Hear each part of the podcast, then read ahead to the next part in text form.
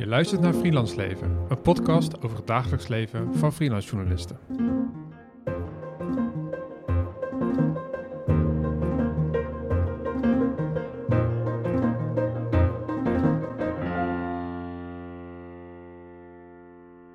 Leuk dat je luistert. Uh, we zijn vandaag, uh, Erwin en ik zijn vandaag te gast uh, bij Hasna El Maroudi.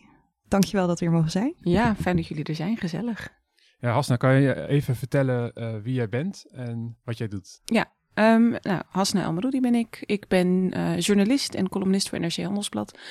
Um, ik heb een eigen platform opgericht samen met Clarice Karkar, Lilith Magazine, wat een intersectioneel feministisch platform is. En van daaruit hebben we ook Lilith Agency opgericht. En dat is een uh, agentschap waarbij we bijvoorbeeld heel veel talenten representeren, maar ook consultancy bieden en workshops. Um, en dat alles, ik haat het woord, maar ik ga het toch zeggen, op het snijvlak van diversiteit en inclusie. Ja, ja want dat is ook het thema uh, van deze aflevering. we willen het over diversiteit en inclusie hebben. omdat het natuurlijk een heel belangrijk onderwerp is. Mm -hmm. En omdat het ook natuurlijk freelancers raakt. En wat mij vooral opvalt vanuit de wetenschappelijke literatuur, en dat, dat blijkt ook uit het paper wat ik uh, nu ga behandelen, is dat als dat gesprek gevoerd wordt en als het onderzocht wordt, dan zijn dat toch wel vaak gesprekken met hoofdredacteuren van grote machtige mediabedrijven, die dan mogen vertellen uh, wat hun visie is op uh, diversiteit en inclusie. Dus eigenlijk is deze podcast de poging van Sanne en ik om dit naar freelancers ook toe te trekken in het gesprek. ja. Omdat het een gesprek is wat natuurlijk iedereen in de journalistieke wereld raakt. Ja. Um, en daarvoor uh, is natuurlijk een, een, soort kapstok nodig. Uh, en ik heb zoals altijd weer een wetenschappelijk paper meegenomen. Uh, het is een, ik vind het zelf een heel mooi paper. Het is in 2022 verschenen, dus dit jaar. Het is echt een heel, heel vers onderzoek, om even zo te zeggen. Um, en het heeft, heeft de titel Diversity in British, Swedish and German Newsrooms, Problem Awareness, Measures and Achievements. En wat hebben de onderzoekers gedaan? De onderzoekers hebben uh, 18 interviews gedaan. Uh, bij grote nieuwsrooms, bijvoorbeeld bij The Guardian in Engeland en al bij andere grote equivalenten daarvan in Zweden en Duitsland. En daar hebben ze gewoon elke keer aan de hand van de vragenlijst gevraagd van wat vinden jullie van diversiteit en inclusie? Uh, hoe vinden jullie zelf dat het gaat binnen jullie nieuwsroom? En wat zouden jullie moeten doen om het te verbeteren? Of denken jullie dat het überhaupt verbeterd moet worden? Dus dat geeft een mooie waaier eigenlijk van inzichten over diversiteit en inclusie bij machtige grote mediabedrijven. En um, wat ik erg interessant vond aan het paper is dat zij een hele gelaagde analyse hebben gedaan van de interviews, de onderzoekers. En dat hebben ze gedaan aan de hand van het Hierarchy of Influences model van Schoenmaker en Rees. En dat, is, dat zegt jullie misschien even niks, maar binnen Journalism Studies is dat een best wel invloedrijk model. Wat uitgaat van verschillende niveaus van invloed op journalistiek. Um, die niveaus zijn het sociaal systeem. Dus, dus hoe zit de maatschappij als geheel in elkaar? Want het heeft natuurlijk invloed op hoe journalistiek eruit ziet. Uh, dat is het institutioneel niveau. Dus bijvoorbeeld hoe kijken mediabedrijven naar hun eigen positie binnen de maatschappij en ook ten opzichte van andere mediabedrijven. Uh, je hebt het organisatieniveau. Hoe organiseert media zichzelf? Bijvoorbeeld uh, in het geval van het onderwerp waar we het nu over hebben. Hoe gaan ze om met sollicitatieprocedures? Dus mm-hmm. allerlei dat soort, dat soort structuren die je als organisatie kan aanleggen, of niet natuurlijk. Um, de dagelijkse praktijk, dat is weer wat kleiner. Uh, hoe gaat het in de praktijk? Hoe ziet het eruit als mensen s ochtends moeten pitchen? Uh, is er ruimte dat iedereen zijn eigen ideeën kan, kan pitchen? Of worden bepaalde ideeën afgeschoten omdat het niet journalistiek of goed genoeg zou zijn? Mm-hmm. Ik deed voor de luisteraar, ik deed van die R. Aanhalingstekens. Uh, als laatste uh, is er het individueel niveau. En dat gaat natuurlijk over uh, wat is de samenstelling van de redactie en is er ruimte voor individuen om hun eigen perspectieven te laten zien zonder dat zij gereduceerd worden tot een bepaald soort perspectief. Als, je, als je het hebt over het onderwerp van deze podcast. Mm-hmm.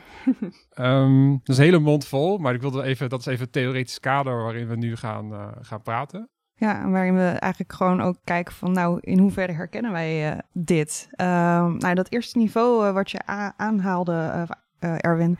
Ja, het is natuurlijk typisch dat je ook geen echt onderzoek vindt hierover over freelancers. Dus dat is natuurlijk ook weer een reden waarom we eh, dit ook in de, in de podcast willen behandelen. Ehm, eh, zie je jezelf als freelancer, uh, Hasna? Ja, ik ben freelancer. Ja. Ja. Ik ben ook ondernemer, omdat ehm, nou ja, Lilith Magazine natuurlijk een platform is en er heel veel mensen eh, bij ons en voor ons werken. Ook allemaal freelancers.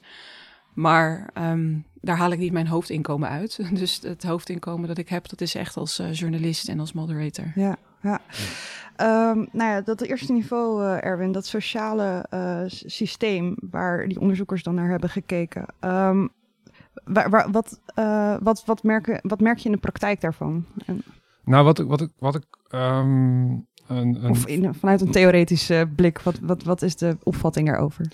nou, de opvatting is natuurlijk het heel, heel breed is van het sociaal systeem heeft een enorm impact op de, de, hoe journalistiek is ingericht. Als je bijvoorbeeld kijkt naar hoe het sociaal systeem in bijvoorbeeld China is ingericht, dan zie je natuurlijk dat de journalistiek ook een heel ander soort hè, propagandistische weerslag heeft.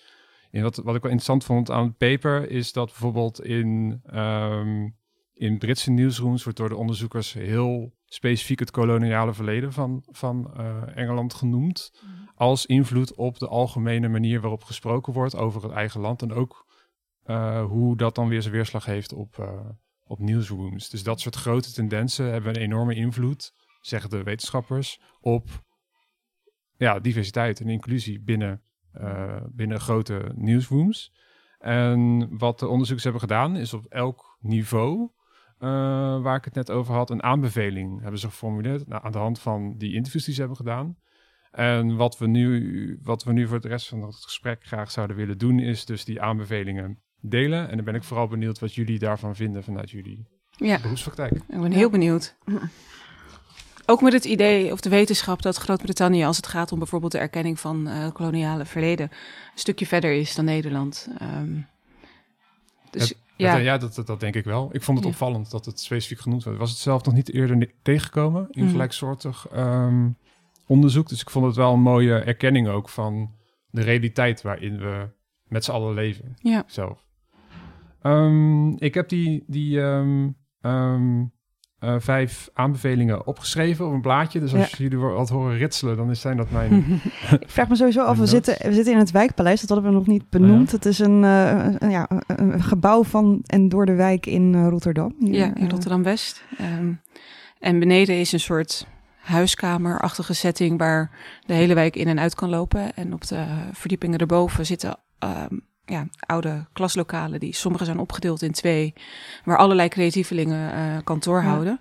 Dus mochten jullie op de achtergrond nog iets horen, dat is eh, een van de eh, ehm, mannen die hier een houtwerkplaats heeft. Dus de, de, de reuring van de stad is het.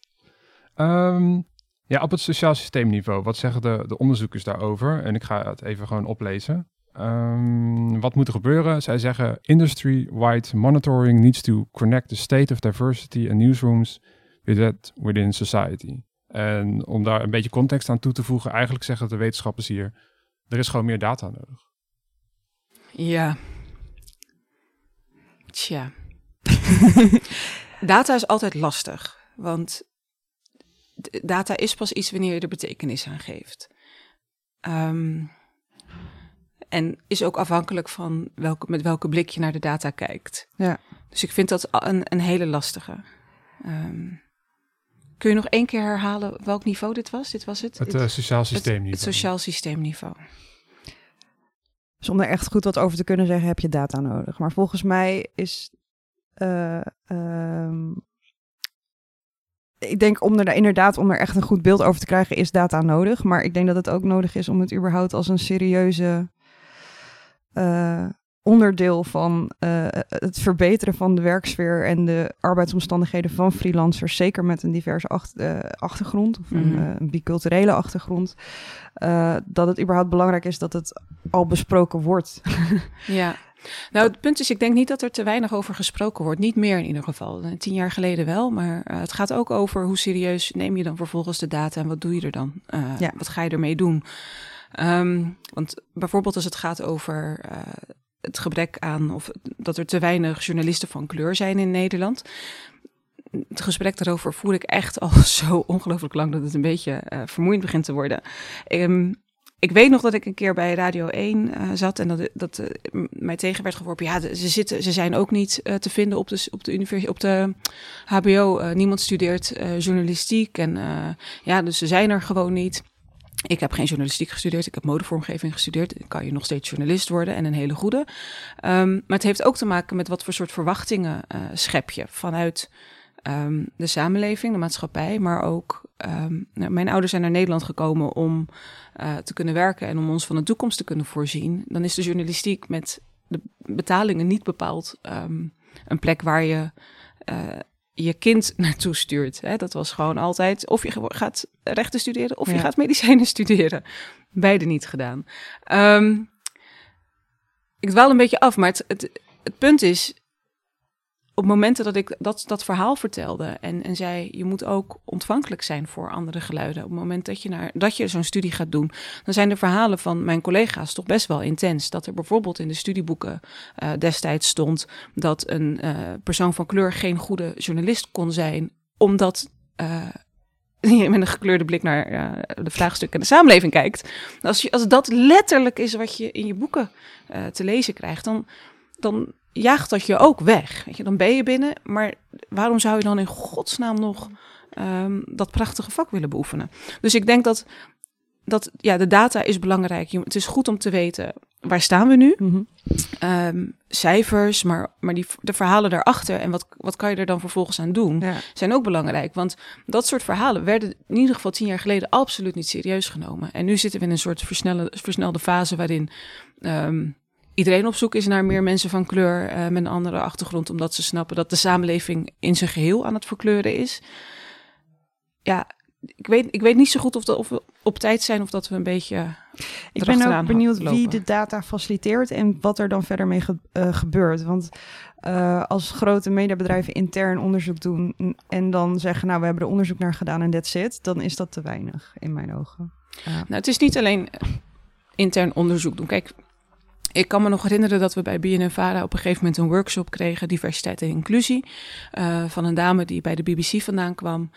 Um, en zij had alle programma's onder de loep genomen en gekeken naar, oké, hoe, wat, wat is de weerslag? Hoeveel mensen van kleur zitten, zitten er hierin, maar ook hoeveel mensen met um, uh, disabled people zitten er in de programma's en wat is hun rol? Nou, toen kwam ze erachter dat mensen van kleur een ondergeschikte positie hadden in alles wat er te zien was. Bijvoorbeeld uh, schoonmakers waren ze dan in beeld, dat soort dingen. En bovendien zeer, zeer, zeer ondergerepresenteerd. Dat is een heel waardevol onderzoek, omdat je daarmee kunt laten zien: oké, okay, dit is hoe de samenleving eruit ziet. Zo en zoveel procent in de samenleving is van kleur. Dit is wat jullie programma's doen en aan deze stereotypes werken jullie mee. Um, BNNVARA is er toen in ieder geval in geest mee aan de slag gegaan. um, Alleen, ik durf te zeggen wel dat ze er nog lang niet zijn. Dat dat, dat het idee van vol, volwaardig mee kunnen doen op zo'n redactie. Um, en dus niet omdat iemand je verteld heeft dat je het niet goed doet. Dus dan moeten we nog eventjes een paar. Dat is waar je naartoe wil. En ik heb het idee dat het nu nog te vaak de data dan wordt gebruikt. Dus het gebeurt echt wel hoor, die onderzoeken. Um, maar dat ze dan vervolgens worden gebruikt om te zeggen: oh, oké, okay, wacht even, we moeten nog twee mensen van kleur in dienst mm -hmm. nemen. Ja, maar dan ben je er dus niet. Als, als dat is hoe je er naar kijkt, dan ben je er niet.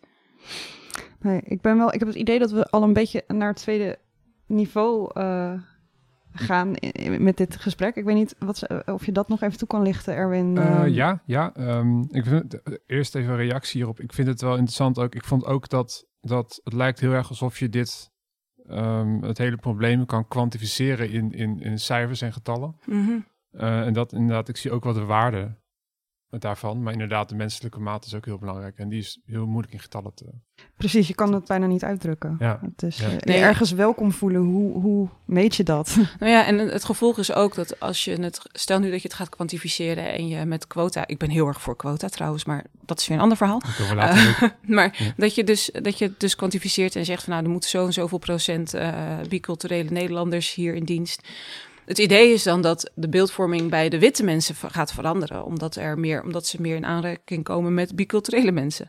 Maar dat betekent dat je als bicultureel persoon nooit gewoon een persoon mag zijn, maar altijd de biculturele persoon bent. En dat is ook super frustrerend, omdat dat je ook tekent in hoe je dan vervolgens naar je werk gaat en het werk dat je doet. Um, dat is een mooi bruggetje, denk ik, naar het institutioneel niveau. Um, en een beetje, beetje resumerend, dat is, dat is dus hoe uh, mediabedrijven zichzelf zien en hun positie binnen de maatschappij en ook hun positie ten opzichte van andere mediabedrijven. Uh, en de onderzoekers zeggen hier: uh, companies need to be aware of their responsibility as a social system within society.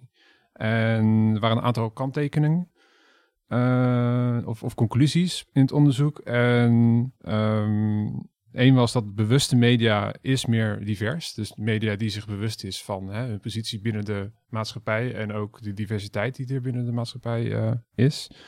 Uh, een ander probleem was wel dat het werd gezien als iets erbij, zeggen de onderzoekers. Want er zijn allerlei problemen binnen journalistiek. Er is weinig geld. Hoe gaan we het publiek bereiken? Uh, hoe gaan we goed mensen informeren? Ik zeg maar iets. En dan is diversiteit en inclusie ja, iets voor erbij. Dat was een beetje de een beetje cynische conclusie van mm -hmm. de onderzoekers. Ja. Terwijl de maatschappij is divers. Dus het zou eigenlijk in je core moeten zitten van je bedrijf als je een vraag stelt als hoe gaan we mensen bereiken? Weet je, de, welke mensen bedoel je dan? Bedoel je dan alleen de witte mensen? Als je de maatschappij wil bereiken, dan is het alleen maar belangrijker, des te belangrijker dat je um, dat ook intern reflecteert of uh, representeert. Dat dat ook te zien is en um, het voegt alleen maar heel veel waarde toe aan je journalistiek en de manier waarop je journalistiek uh, bedrijft. Mm -hmm. En ik heb ook wel het idee, als ik kijk dan naar de uh, mediabedrijven waarbij ik heb gewerkt, dat het echt enorm verschilt met hoe er wordt gekeken naar hun rol en uh, hoe er um, met diversiteit wordt omgegaan. Ik heb ooit stage gelopen bij NOS op 3 en ik ben daar binnengekomen via een stage netwerkdag voor multicultureel talent, waar ik echt met heel veel uh, ja, heel opgelaten naartoe ben gegaan. Omdat ik dacht, ja, nou ja, ik, heb, ik ben geboren in Colombia. Weet je wel, laat ik dat misschien een keer als voordeel pakken. Uh, maar het is wel heel ongemakkelijk. En toen, ik weet ook nog dat, dat Poniels er toen ook nog eens bij was. Om een soort van, kijk, dit zijn alle mensen die een beetje kleur moeten gaan brengen. in Hilversum. Nou ja, dat, dat, dat, voelt, dat voelt aan de ene kant heel verkeerd. maar het is wel van, oké, okay, er, er, er gebeurde in ieder geval mm. wat. Het is inmiddels, denk ik, nou ja, 15 jaar, of nou ja, 10 jaar geleden, zoiets. Ik weet niet. Ja. En dat ik nog steeds denk van, ik weet nog steeds niet hoe ik me daar nou precies over voel. Ik ja. weet niet wat, hoe, wat jouw ervaringen zijn. Uh, nou, goed dat je het gedaan hebt. um, nou, ik heb dat nooit op die manier hoeven doen. Maar ik weet wel dat mijn uh, achtergrond altijd heeft bijgedragen aan uh, interesse van anderen voor mij. Dus, en ik heb dat uitgebuit, want ik word al genoeg tegengewerkt in, uh, de, in mijn leven. It's enough. Dus, nee, nee hoor, als, uh, uh, ik zeg dat nu een beetje overdreven, maar... Nee, maar het is, het is ja, waarom zou je daar dan, je daar dan schuldig over moeten voelen of zo? Of... Nou ja, het is omdat je, ik weet niet, ik vind het soms lastig dat je dan ge, weet je, dat je achtergrond en je, je voorkomen, dat dat een soort van gaat bepalen hoe uh, mediaorganisaties jou zien. Ja, nee, dat is zeker zo. Maar dat, dat, kijk, de vervolgstap is aan jou. Ja. Het gaat, over het algemeen gaat het om ergens binnenkomen. En wat je daar dan vervolgens mee doet, dat is helemaal aan jou. Um, dus zo ga ik er eigenlijk en ben ik er altijd ook mee omgegaan. Dat, um, zeg maar, als de benchmark is dat mensen die um, lijken op de mensen die er al werken, als eerste worden aangenomen. Dat is wat er eigenlijk de afgelopen jaren altijd is gebeurd. Dat de Peters uh, de directeuren worden. Um, en ze willen daar dan een keertje van afzien. En ze denken, nou, die ziet eruit alsof ze niet hier vandaan komt. Um, ja, dan moet je daar gewoon, gewoon meteen gebruik van maken. Want de kans dat je ergens binnenkomt is gewoon al heel erg klein. Um, en dan is het aan jou om daar dan wat mee te doen. Wat ik ook wel merk, ik heb ook gewerkt bij, uh, bij het AD. En uh, ik merkte daar dat ik soms wel, nou, als het gaat over die uh, verantwoordelijkheid naar hoe we naar mensen kijken en zo, um, dat, ik, dat ik daar af en toe wel echt geconfronteerd werd met uh, soort van de neerbuigendheid die sommige witte mensen hebben als het gaat om uh, ja, mensen met een uh, ja, ander, ander kleurtje. En ook, nou, ik weet nog dat ik gewerkt heb bij het AD op het moment dat die voorpagina over het boerkaverbod gemaakt werd. En ik zag dat gewoon gebeuren. dat er, er werd heel stigmatiserend een, een, een voorpagina gemaakt over het boerkaverbod. En het werd een soort van echt ik weet niet, het, volgens, ik weet niet eens meer welk woord er nou precies, volgens mij iets van kopvot of zoiets. Nou, er werd echt een, een woord gebruikt waarvan ik dacht, ik krijg daar rillingen van. En dat gaf ik aan, want ik was eindredacteur, dus ik kon mee bepalen hoe koppen eruit mocht zien. En dat werd een soort van weggemoffeld. En de dag daarna werd het echt uh, ontplofte dat. Was dat echt een relletje. En ik dacht wel van je wordt wel een soort minder serieus genomen. Want jij zal dat toch niet helemaal kunnen zien. En de meeste lezers bent, van nee, ons zijn toch. De, gra de, de, grap is, is dat jij dan degene bent die bevooroordeeld is. Ja. En niet degene die deze kop heeft bedacht. Ja. En dat is wel, zeg maar, dat, het neppe objectivisme van uh, de journalistiek is wel. Is altijd heel heftig geweest, maar is nu de laatste tijd wel aan het veranderen, heb ik het idee. Was laatst bij, um, uh, wat was het? van de eh, VVOJ, de, uh, zo'n tweedaagse conferentie. Um, en daar speelde ik een beetje met mijn vraagstelling ook over objectiviteit. En toen zei de voorzitter van de VVOJ ook, die gaf heel duidelijk aan dat journalisten niet objectief zijn. En dat dat ook goed is dat we dat weten. En dat, dus dat, alles wat je doet met een bepaalde bril is. Dus ook zo'n uh, zo'n kopvotachtige kop is ingekleurd ik heb wel het idee dat dat dus echt aan het veranderen is. Dat tien jaar geleden kon je echt niet zeggen dat je als, als, journalist niet objectief was. Nu inmiddels snapt men, nee, we zijn allemaal mensen. We hebben allemaal eh, onze, uh, onze bril op. Ja. maar ook maken we bepaalde keuzes. Wat je wel vertelt, wat je niet vertelt. Op welke manier je het vertelt. En dat is wel een vooruitgang, denk ik. En die vooruitgang komt mede dankzij meer um, diversiteit op uh, verschillende redactievloeren. Ja, en dat mensen denken ook gewoon uh, nu steeds meer collega's hebben die gewoon ook echt heel goed zijn. die... Ja, precies. Nou ja, het, is, weet je, het is wel lastig als journalist om um, je dan te moeten verhouden tot de collega's die zo'n soort kop hebben gemaakt. En tegelijkertijd zelf heel heilig uh, geloven in hun eigen objectiviteit. Of dat, dat dat wat zij denken klopt is of wat de burger wil horen. Ja, ja. Uh, dat is dat institutionele niveau, weet je wat, media die uh, moeten zich inderdaad hun rol beter leren erkennen. Ik heb het idee inderdaad ook dat dat wel langzaamaan uh, steeds beter doorcijpelt. Um, Erwin, wil jij nog uh, iets aan iets nou, toevoegen hier aan? Ik wil nog wel wat toevoegen ja? over dat institutionele dus. Um, je kunt dus, om weer een klein stapje terug te doen naar wat we net vertelden, um, je kunt dus wel onderzoek doen, maar als je institutioneel gezien niet iets verandert, uh, dan gaat het over die sleutelposities, dan gaat het om mensen met macht, of, um, of het nu presentatoren zijn of eindredacteuren. Als je daar niks in verandert, dan wordt het wel heel lastig om het serieus aan te pakken. En ik zie echt wel vooruitgang, dus ik ben echt wel hoopvol. Maar op het institutionele niveau verandert er volgens mij nog vrij weinig. Dus het is iedere keer wel een beetje een soort pappen en nat houden, zeg maar.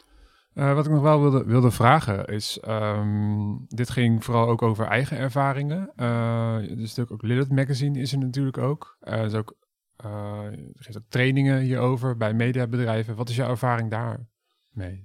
Um, nou, dat mensen heel vaak willen maar vaak ook niet zo goed weten hoe. En um, het institutionaliseren van verandering, dat dat heel lastig is. Dus er zijn altijd uh, medewerkers die bijvoorbeeld niet mee willen doen. Um, en daar, daar zit denk ik nog wel de winst in. En vaak willen mensen of bedrijven de verandering wel hebben, maar weten ze nog niet zo goed wat ze nou anders willen. Weet je, en, je zegt medewerkers die niet mee willen doen, zijn dat dan ook mensen met de hogere posities? Of is dat Soms wel, maar het, kan, het maakt niet uit als je een bedrijf institutioneel wil veranderen, dan zal iedereen mee moeten doen. En dat kan, uh, dat, dat is gewoon heel erg lastig. Um, vaak denkt men ook dat je er met een workshop wel bent, of dat je met uh, een half jaar, een training van een half jaar, dat je er dan wel bent. Maar ook dat is niet waar. Het is echt iets van de lange adem. Goed voorbeeld ervan is um, Melly, formerly known as Witte de Wit, het uh, kunstcentrum hier in Rotterdam. Um, zij gingen hun naam veranderen en zij hebben met elkaar ook besloten van dit is een proces. De naam is nu al een paar jaar terug veranderd een paar jaar terug, dat zeg ik, uh, 2021 januari. Um, maar ze hebben onlangs een boek uitgebracht waarin ze zeggen, van, waarin ze laten zien hoe ze met die naamsverandering om zijn gegaan, hoe dat interne proces is geweest, hoe dat externe proces naar buiten is geweest. En ook heel duidelijk um, hebben gemaakt dat dit boek ook niet een punt is, maar dat het een, een, een continuerend proces is. Dus dat ze zelfs na die naamsverandering, omdat Witte de Wit uh, koloniale, uh, een koloniaal figuur was, dus dat ze zelfs met die naamsverandering uh, nog steeds niet klaar zijn om dat wat ze ook achter de schermen doen te decoloniseren.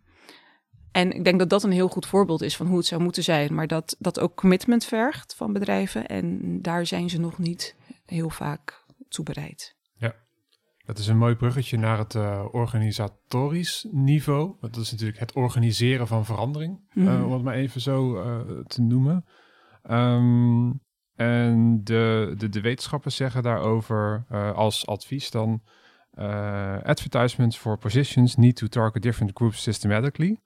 For example, by working with advocacy, um, advocacy organizations and recruiting processes need to. Kan ik mijn eigen handschrift niet lezen? Follow diversity plans. Oh, oh wacht, het is een podcast, hè? Fouten moeten kunnen. And recruiting positions need to follow diversity plans. En deze vond ik ook heel belangrijk. Uh, employers need to pay journalists in training. Dus eigenlijk zijn het allemaal, allemaal verschillende dingen. Ja. Het komt eigenlijk op neer op het, het, het neerleggen van een structuur uh, die diversiteit en inclusie in de hand werkt. Um, heel specifiek werd door de wetenschappers ook nog genoemd het invoeren van quota's. Mhm. Net, al, net al even aangestipt, kunnen we het over hebben. Um, en ik heb hier, hier bijgeschreven nog een keer paying people met drie strepen onder paying. Ja, ja, ja. ja. Wat is jullie reactie op dit? nou, sowieso denk ik dat iedere freelance journalist graag wat meer betaald zou willen worden. En dan hebben we nog niet gehad over journalisten in training die Ja. uh, heel veel werk uh, verzetten en dat uh, vaak gratis voor niets. Ja, nee, ja, inderdaad. Dat hele idee, ja, om even met dat laatste punt te beginnen, dat je gewoon moet, een, een, cv moet opbouwen en dat je heel veel voor gratis moet doen uh, om um, je, je, naam op te bouwen. Uh, dat vind ik ergens wel een beetje toxisch. want ja. we, we, we houden daardoor wel echt heel veel precariteit in stand binnen de journalistiek. En het is lastig om grote organisaties te controleren, de politiek te controleren als je zelf in een uh, precaire situatie In zit. de literatuur heet dat uh, self-exploitation. Ja, ja, nou, ja dat is ook precies wat het is. Ja, ja. ja, ja. ja we zijn wel een beetje gek af en toe uh, in, deze, in deze sector. Dat je denkt van wat, wat doen we ons allemaal aan? Ja, ik had het laatst ook met iemand over dat um, vertelde wat ik uh, betaald krijg voor een bepaald stuk dat ik uh, elke twee weken schrijf. En zij reageerde echt Deductie, van... Uh, zij reageerde echt heel verbaasd. Ja, daar ben ik dan anderhalve dag voor aan het werk. Anderhalve dag. Het is echt belachelijk. Ja, ja we doen uh, echt, echt, echt heftige dingen. Ik ben heel blij dat we deze podcast mogen doen... Die dus, uh, waar, waar Erwin dus uh, subsidie voor aan heeft kunnen vragen... zodat we wat we nu ja, aan het doen zijn, daar, daar krijg ik in ieder geval wel een beetje voor. Ik vind het ja. wel erg dat we dan een soort van jou uh, nu ja, tijd beroven, ik zal mijn zeg maar. Uh, maar Erwin, hoe lang ben je bezig geweest met de aanvraag van je subsidie? Van subsidie voor dit? Um, ik denk het hele proces is... Uh, ik heb ook subsidie gehad voor een promotieonderzoek... van mm -hmm. Stichting Democratie en Media... en Stimuleringsfonds van de Journalistiek. En daarnaast uh, subsidie gehad van het Lira voor deze podcast. Mm -hmm. En nou, het, van, van een überhaupt een, een promotieonderzoek kunnen doen, dan moet je natuurlijk een mooi uh, voorstel hebben. Uh, dat moet je dan uitleggen. Uh, heel logisch ook. Uitleggen wat je gaat doen bij verschillende partijen. Vervolgens bij een andere partij weer uitleggen waarom een, een gerelateerde podcast daaraan ook nuttig kan zijn. Hmm. Ik denk dat het hele proces totdat ik dat alles rond was en, het, en ik ook daadwerkelijk subsidies kreeg, dat dat heeft wel een jaar geduurd. Ja. En dat heeft ook, ook wel veel met privilege te maken weer. Want niet iedereen heeft een jaar tijd Precies. om extra tijd te steken om, om, om zo'n onderzoek op te zetten. Ja, nou, ik ben echt heel blij dat het je gelukt is. Maar het is inderdaad, het heeft wat te maken met privileges dat het uh, überhaupt kon. Maar het is ook wel shocking dat je um, dus al zo lang rondloopt met een idee en dat, dat, je, dat, dat je dan een jaar verder bent. Voordat je kan beginnen. Ja. Ja, de, de aanhouder het... wint is wel in de journalistiek. Ja. Uh... ja, het vraagt heel veel doorzettingsvermogen om, uh, ja. om door te kunnen gaan in de journalistiek. Ja. Hallo, hier is Sanne nog eventjes met nog wat nieuwtjes uh, op het gebied van het hashtag freelance leven. Um, binnen tien dagen hebben namelijk maar liefst 1300 journalisten de NVJ-petitie ondertekend om ZZP'ers in de mediasector en werknemers in de uitgeefbranche te compenseren voor de torenhoge inflatie. De vakbond roept op uh, tot een compensatie van 750 euro voor werknemers in de uitgeverijsector en een tariefsverhoging van 7% voor freelancers bij alle mediaorganisaties.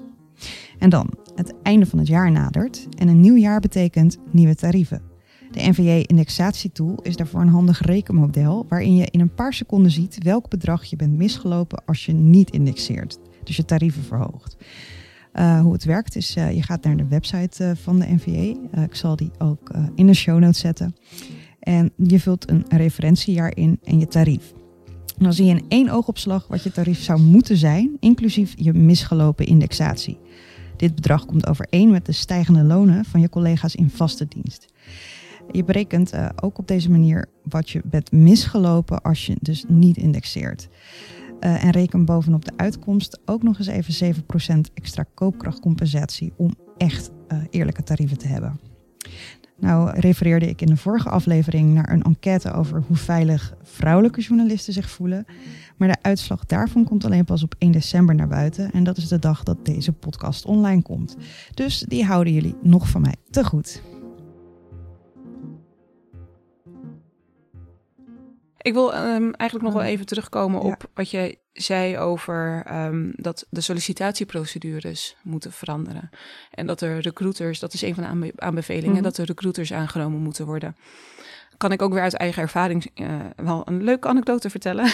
um, ik ben ook wel eens benaderd door een recruiter van een uh, bedrijf dat zich heel erg bezig hield met diversiteit en inclusie. Ook voor een, een topfunctie. Um, en ze waren er heel erg van overtuigd van dat, dat bedrijf waar zij mij voor vroegen, dat zij echt verandering wilden aan de top en dat ze, um, dat ze dat echt heel erg nodig hadden. En daar waren zij, was dat recruitmentbedrijf ook voor aangetrokken om dat te gaan doen.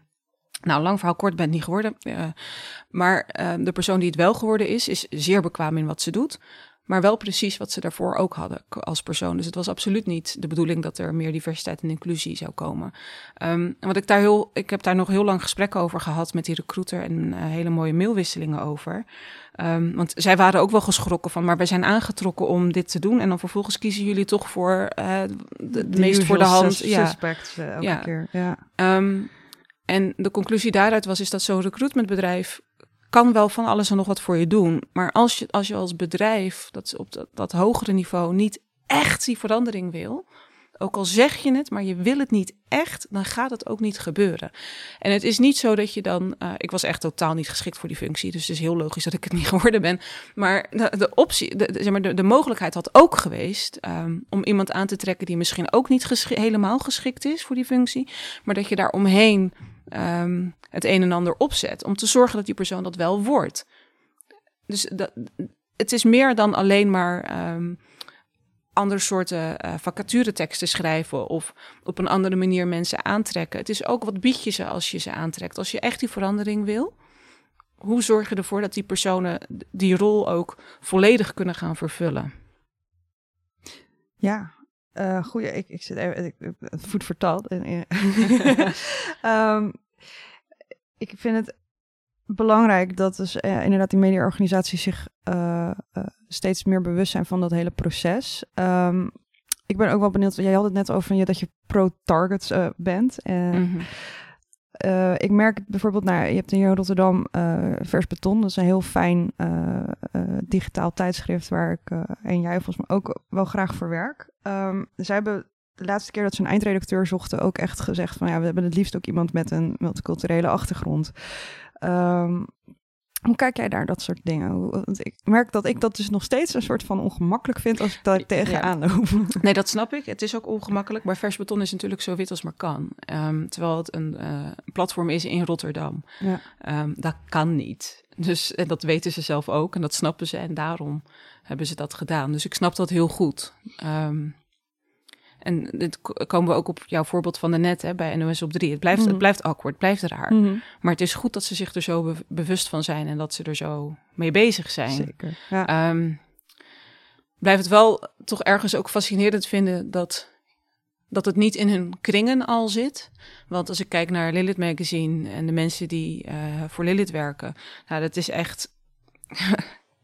gaat echt alle kanten op, zeg maar. Of het nou gaat om. Um, eh, seksualiteit of kleur of herkomst of leeftijd. Weet je, het is, het is zo ongelooflijk divers en daar hoeven we geen moeite voor te doen. En dat, dat komt omdat ehm, de basis al heel divers is en onze netwerken dat daarmee dus ook zijn. Mm.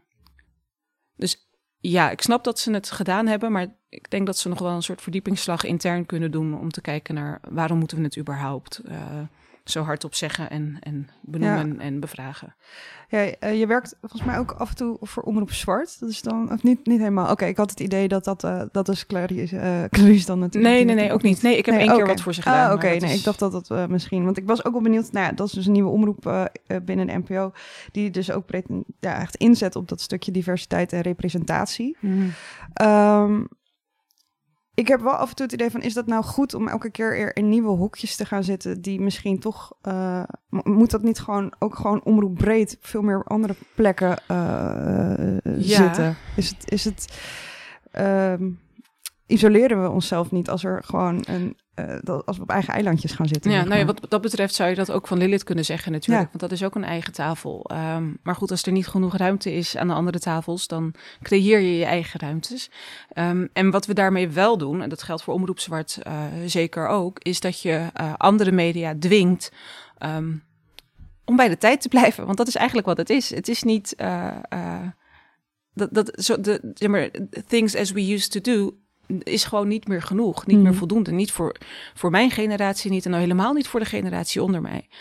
Um, en voor Omroep Zwart, nou, want dat vind ik dan wel weer mooi aan het hele um, publieke omroep. Uh, de manier waarop hoe dat werkt, is dat Omroep Zwart wel voor een deel dan nu aangesloten is bij BNNVARA. En dat is volgens mij vooral voor uh, de financiën en dat soort dingetjes. Maar ze zitten dan wel daar intern. Dus ik heb het idee dat het ook wat doet met een organisatie als BNNVARA vervolgens. Um, weet ik eigenlijk wel zeker als ik kijk naar de programma's die ze het afgelopen jaar gemaakt hebben. Dus ja, ik snap wat je zegt. Moet, creëren we niet eigen eilandjes en, en wat betekent dat dan? Um, nou ja, ik denk dat mijn eiland of ons eiland Lilith uh, over tien jaar de boel overneemt. dus zo kun je het ook zien. Ja, ja, als een plek om te kunnen ontwikkelen Ja. überhaupt. Want dat is natuurlijk ook met die uh, mensen die willen klimmen. Ja, je moet wel een plek hebben waar je dan welkom bent. Precies, en, dat is um, vanaf uh, meet af aan eigenlijk wel ons doel geweest. Ook om um, mensen intern op te leiden. Nou vind ik opleiden een beetje een groot woord. Um, maar in ieder geval te helpen bij uh, hun ontwikkeling als journalist. Um, allemaal als freelancers. En dan daarna uh, moeten ze door. En dat is tot nu toe hartstikke goed gelukt. Wel heel jammer, want dan verlies je weer je talent aan de reguliere uh, mediabedrijven. Maar uh, het is toch wel fijn om te zien dat dat ook wat betekent voor uh, nou ja, de programmeringen en, en de artikelen die dan vervolgens verschijnen. Ja, ja. Mooi. Ja, ik, nog een klein dingetje. Het, het, het gaat dan over de, de, In het onderzoek hebben ze het ook over Engeland en hoe daar met stagiaires om wordt gegaan. Ik uh, wil in de show notes nog even een linkje doen naar een uh, interview met stagiaires van volgens mij uh, The Guardian. Die zo slecht betaald krijgen dat ze dus echt niet rondkomen. Die ga ik nog even naar je sturen voor in de show notes, Erwin. Want dat is echt ook wel weer een, een eye-opening. Een eye-opener van, nou ja, als je goede journalistiek wil, dan moet je er ook echt wel voor willen betalen. Want het is anders echt zo precair. Um, zullen we door naar de ja, dat is goed. Volgende, um, het volgende niveau. Ja, we zijn aangekomen op het uh, routine-niveau. Dus uh, hoe zien de dagelijkse routines eruit op, uh, op redacties? Um, en de onderzoekers raden daarbij aan dat newsrooms need to actively reflect and address their routines and culture concerning biases and structural inequalities. People need to have the chance to bring in their perspectives without being reduced to that perspective.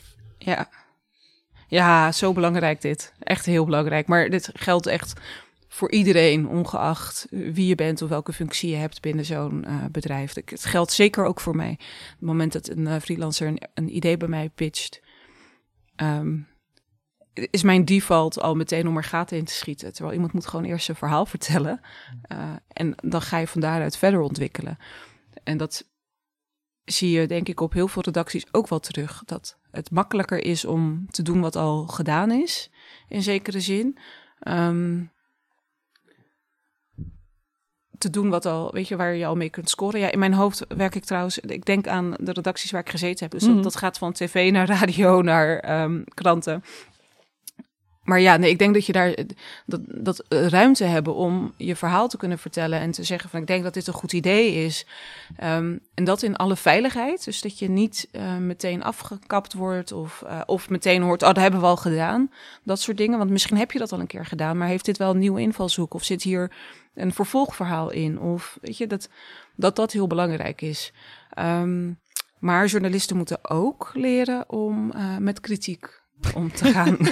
Want dat is de andere kant namelijk. We vinden onszelf allemaal heel erg slim. Zijn we over het algemeen ook. Um, dus ik denk dat het twee, vla twee vlakken heeft. Ja, binnen de literatuur wordt ook wel, hebben we ook een uh, aflevering over gemaakt, dat reflectie uh, ja. soms wel echt uh, te, ja, niet vaak gebeurt. Nee, precies. Om even zo te zeggen. Nee, en als het gaat om, om diversiteit diverse stemmen een kans geven, dan is reflectie, zowel binnen je organisatie als binnen je eigen manier van pitchen misschien, nou weet ik eigenlijk wel zeker, is dat best wel belangrijk. Dat je, uh, ja, ik vind het herkenbaar dat je zegt van dat je als default ga, gelijk gaten wil prikken in iemand zijn pitch. Als ik als eindredacteur werk, dan merk ik dat ik ook al snel zoiets heb van ja, dit hebben we al gedaan of wat voegt dit toe? Wat voegt dit nou toe? Dat, dat vooral, wat voegt dit nou toe? Ja. ja. Nou, misschien dat het nog een keer gezegd ja. wordt. dus en, dat soort, weet je, dat is iets ja. heel sufs, maar soms moeten dingen vaker gezegd of geschreven worden. Ja. En dat is, uh, dat is echt, ja, dat is, dat is denk ik um, uh, belangrijk dat daar inderdaad een soort veilige omgeving voor wordt gecreëerd. En ook dat er eerder meegedacht wordt. en dat is ook heel, heel erg iets waar ik mezelf ook op reflecteer. Van ja, inderdaad, daar moeten we gewoon. Daar moet ik zelf ook uh, af en toe gewoon wat uh, constructiever in zijn. Om gewoon mensen een kans te geven. Heel, als er een stagiair naartoe komt van ik heb een idee. Dan denk ik, ja, maar dat hebben we al gedaan. Nee, dat, dat hebben we misschien inderdaad al gedaan. Maar deze persoon heeft dat nog niet gedaan. En nog niet vanuit ja. Die hoek die wijk, die, uh, de, de, de, dat vanuit die, dat vertrekpunt uh, geschreven. Dat kan misschien nog prima. Er worden elke dag dezelfde soort verhalen gemaakt. Ja, en wat misschien daarbij dan ook nog wel um, belangrijk is, is dat je zo'n stagiair leert kennen. Exact. Dat je ja. weet wat iemand drijft, waar iemand vandaan komt, wat voor soort opleiding die persoon heeft gehad. Maar niet alleen uh, het type opleiding, maar hoe die persoon zeg maar in de opleiding zat. Was het een, een prettige ervaring, uh, niet zo prettig? Dus dat je um, dat je ook weet waarom iemand met een verhaal komt. Dat is meer dan alleen, um, ik vind dit belangrijk. Vaak zit er gewoon nog veel meer achter. Dus dat, dat merk ik zelf wel met de pitches die we dan uh, bij Lilith binnenkrijgen. Dat als ik weet wie de pitch mailt, dan weet ik ook wat ik ermee wil. En dan komen we vaak ook ergens. En als je de persoon nog niet kent, ja, dan, dan vergt dat dus echt een paar Zoom-gesprekken eerst voordat ik uh, overstag ga. En dat is eigenlijk niet zo goed. Nou ja, het is ook een bepaalde manier van investering van allebei de kanten. Want je wil elkaar, je wil niet zomaar je tijd gaan investeren in iets waarvan je denkt, nou, dat, wat, wat, wat voegt dat nou toe? Weet je wel? Nee, dat, uh, dat is, nee maar, her, maar soms, ja. moet je, soms moet je, en dat, uh, ik ben wel blij dat we dat wel doen, soms moet je ook gewoon iemand een kans geven. Soms moet je ook gewoon zeggen, ga maar maken laten we eens kijken waar dit, uh, waar dit op uitkomt. Denk, uh, dan geef je een aantal tips mee en dan is het uh, ja, op hoop van goede zegen. Ja. ja, en als ik dan denk naar mediaorganisaties die wat traditioneler zijn, waarbij ik heb gewerkt. En als ik dan denk, ja, inderdaad, jonge mensen die krijgen vaak niet zo makkelijk die kansen. En dan zitten er oude rotten die echt heel makkelijk er vanaf, zich er echt heel makkelijk vanaf maken. Dan denk ik, ja, inderdaad, waarom uh, geef je mensen die misschien een frisse blik, die misschien wat meer eindredactie nodig hebben, ja. niet nog een extra kans in plaats van dat je weer hetzelfde verhaal hebt van die mensen die al helemaal vastgeroest zitten in die organisatie. Uh, daar wordt de journalistiek denk ik alleen maar beter van. Ja, uh, precies. Ja. Oh. ja. Uh, dus ja, niet alleen diversiteit op papier, maar ook gewoon diversiteit binnen de, de plek zelf. Ik vind diversiteit ook een moeilijk woord. Oh god, ik kan er echt niet tegen. Oh, nee, ik. Eh, maar ja, het is, het is zo lastig, want je, het is wel wat het is. Ja. Maar het, het, nou, de reden dat ik er zo moeite mee heb, merk ik ook, is omdat het een buswoord aan het worden is. Of al is eigenlijk. Um, het is bijna een ding waarbij fondsen subsidie zouden gaan geven. God, zeg maar. ja. bijna, nog niet helemaal. Diversiteitsfonds, dat ja. zie ik nog wel komen. Zo. Nou jongens, lilithmagazine.nl Eigenlijk is het lilithmag.nl, kom maar door. Ja. Staat ook in de show notes. ja, um, zullen we doorgaan naar het laatste niveau? Uh, uh, ja, dat is het niveau van het, uh, het individu. En eh, de wetenschappers zeggen daarover dat uh, commitment of people in leading positions is a driving fact, uh, factor. Um, news organizations need to monitor the state of diversity in their newsrooms for long-term strategic management. Dus eigenlijk, um, ik heb eronder gezet uh, betrokken leiderschap. Ja. ja, de leiders binnen bedrijven zijn zo bepalend voor de sfeer. Nou ja, we zitten nu net uh, na de hele ruil rondom de wereld draait door en uh, de manier waarop daar leiding werd gegeven. Uh, ik denk niet dat het bij alle redacties zo is, maar ik merk wel dat ik met freelance collega's het erover heb en dat toch de onzekerheid waarin freelancers verkeren op redacties en de precariteit ook alweer, dat dat ook wel vaak komt vanwege de toon van leidinggevende. Ja. Ja, ja. ik zit te denken over de leidinggevenden die ik mee heb gemaakt. Ik, als freelancer zit je ook wel weer um, op wat meer afstand. Dus ja, weet je, graag of niet, denk ik vaak ook. Uh, en als je, ja, als je toon me niet aanstaat, ja, dan niet. Ik heb wel eens met een, uh, um, een eindredacteur van uh, Dagblad Trouw gedoe gehad. En dacht, nou ja, dan niet. dat, dat, is ook goed. Er zijn ook andere media, er zijn ook andere kranten waar ik um, met heel veel plezier wel voor kan schrijven. Dus het is een beetje, uh, leiderschap is heel belangrijk. Um, zorgen dat je, wat ik net al zei ook over die stagiairs, dat je weet met wie je te maken hebt, dat je elkaar leert kennen. En ik denk dat goed leiderschap en goede leiders dat ook doen. Um, maakt ook het plezier in het werk gewoon zoveel, zoveel meer. Weet je, dat je, dan wil, ik als in ieder geval schrijver, als ik een goede band heb met mijn eindredacteur, dan uh, wil ik die persoon werk ontnemen. Dus zorg dat die persoon zo min mogelijk eindredactie hoeft te doen. En dan wil ik ook echt mijn best doen om te zorgen dat het een knallend stuk wordt. Um, en ja, dus ik denk dat het ook die investering in relaties, dat het zich ook terugbetaalt. Zeker, ja. Het maakt gewoon alles, uh, alles beter. Um, ja. Ik denk wel ook dat het voor beginnende journalisten nog wel lastiger is om je zo weinig aan te trekken van uh, negatieve ervaringen met leidinggevenden. Zeker, uh, nee, maar dat, ook daarin ben ik natuurlijk gegroeid. ja. Dat ging vroeger niet zo makkelijk. Ik heb geregeld staan janken, weet je. Dat, uh, wat heeft je geholpen om te beseffen wat je waard bent eigenlijk? Freelancer worden, want dit was allemaal nog onder redactie. Maar freelancer worden was echt het beste ever ever. Ik weet dat ik geen pensioen opbouw. Ik weet dat als ik niet meer ingehuurd word, uh, naar aanleiding van deze podcast, ik de lul ben. Maar nee, freelancer worden was echt het allerbeste wat ik ooit had kunnen doen. Want het heeft me heel veel, um, het heeft me autonoom gemaakt. Ik beslis of ik iets wel of niet wil doen. Um, en onder welke voorwaarden ik dat wil doen. En soms betekent dat dat ik even een maand niet zo'n hoog inkomen heb. En soms betekent het dat ik een hele goede maand draai. Dat verschilt gewoon enorm. Het risico ligt helemaal bij mij. En dat is natuurlijk echt wel eng. Maar zelf keuzes kunnen maken. Zelf kunnen beslissen of iemand, hoe iemand tegen me kan praten. Um, graag respectvol dus. Dan weet je, dat is gewoon het belangrijkste. Ja. Ja. ja fijn ook om dit weer eventjes te horen, weet je wel. De, de voordelen van, dat, uh, van het freelance leven. Ja. Uh, we merken toch ook, tenminste ik merk in de podcast toch ook vaak dat er ook heel veel drempels zijn. Maar inderdaad, het freelance leven is ook gewoon wel... Uh, het, het, heeft ons ook de controle om iets te veranderen in dat hele medialandschap. Ja, het is echt de beste keuze die ik ooit had kunnen maken. Ja, ja je kan je focussen op iets wat je zelf belangrijk vindt. Mm -hmm. um, en, en het vind ook wel dat er wordt en dat is ook in de literatuur zo een soort juxtapositie gemaakt tussen freelance en in dienst zijn. Alsof je in dienst, dan is alles geregeld. Dan voelt het allemaal goed en dan heb je een inkomen en dan, hè, hè, het komt allemaal helemaal goed.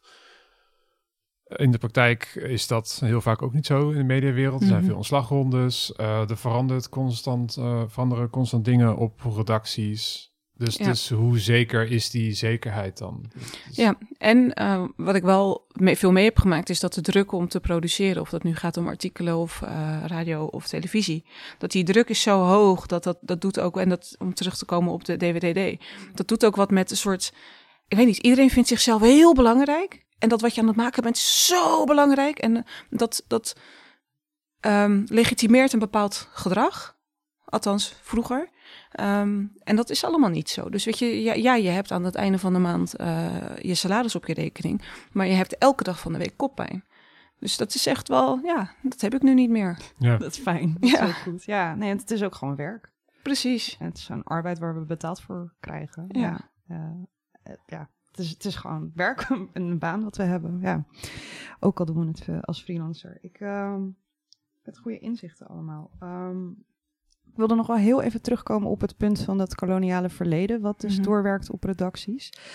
Uh, ik weet dat jij er veel onderzoek naar hebt gedaan, of in ieder geval het kolonia koloniale verleden hier in, uh, in Rotterdam.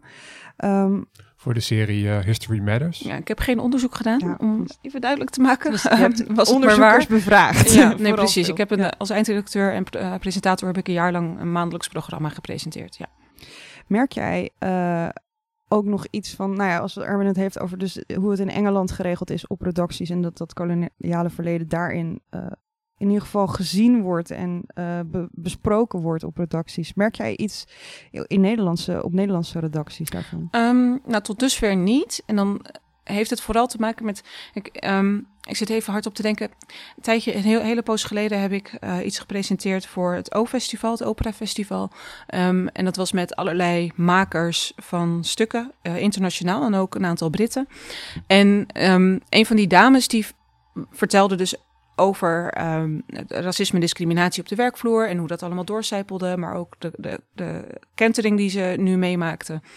Uh, en legde heel sterk de link met het koloniale verleden. Dus, dus echt dat, dat het een doorwerking is. Uh, de manier waarop men naar haar kijkt of naar um, uh, andere mensen met haar achtergrond. Dat dat een doorwerking is.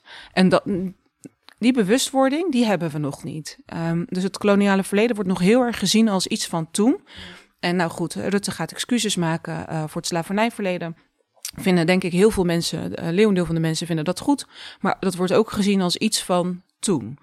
Um, waar je een streep onder kunt zetten en alle problemen van nu, dus dat gebrek aan diversiteit en inclusie, dat um, mensen van kleur um, vaak onbewust worden gezien, op een, op, zeg maar in een negatief daglicht worden gesteld, of dat je. Dat, dat een, een doorwerking is, dat beseft men nog niet. En dat beseffen ze al helemaal nog niet op de redacties.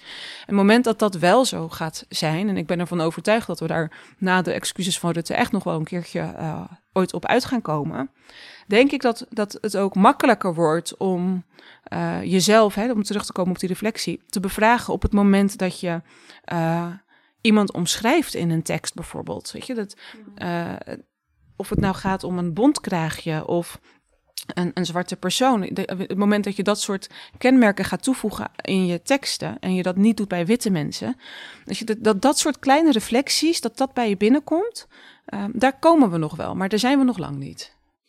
Ja, ik ben ook benieuwd naar wanneer die tijd komt. Voor mij mag die wel uh, op gaan schieten. ja, dus uh, heel erg bedankt voor je, voor je inzichten. En, ja, ontzettend bedankt. En dat, je, dat we bij je langs mochten komen. Graag gedaan. Ik uh, wil hem graag afsluiten hier. Erwin, enorm bedankt voor jouw uh, guidance in het paper. En uh, Geen probleem. jullie bedankt voor het luisteren. Dankjewel.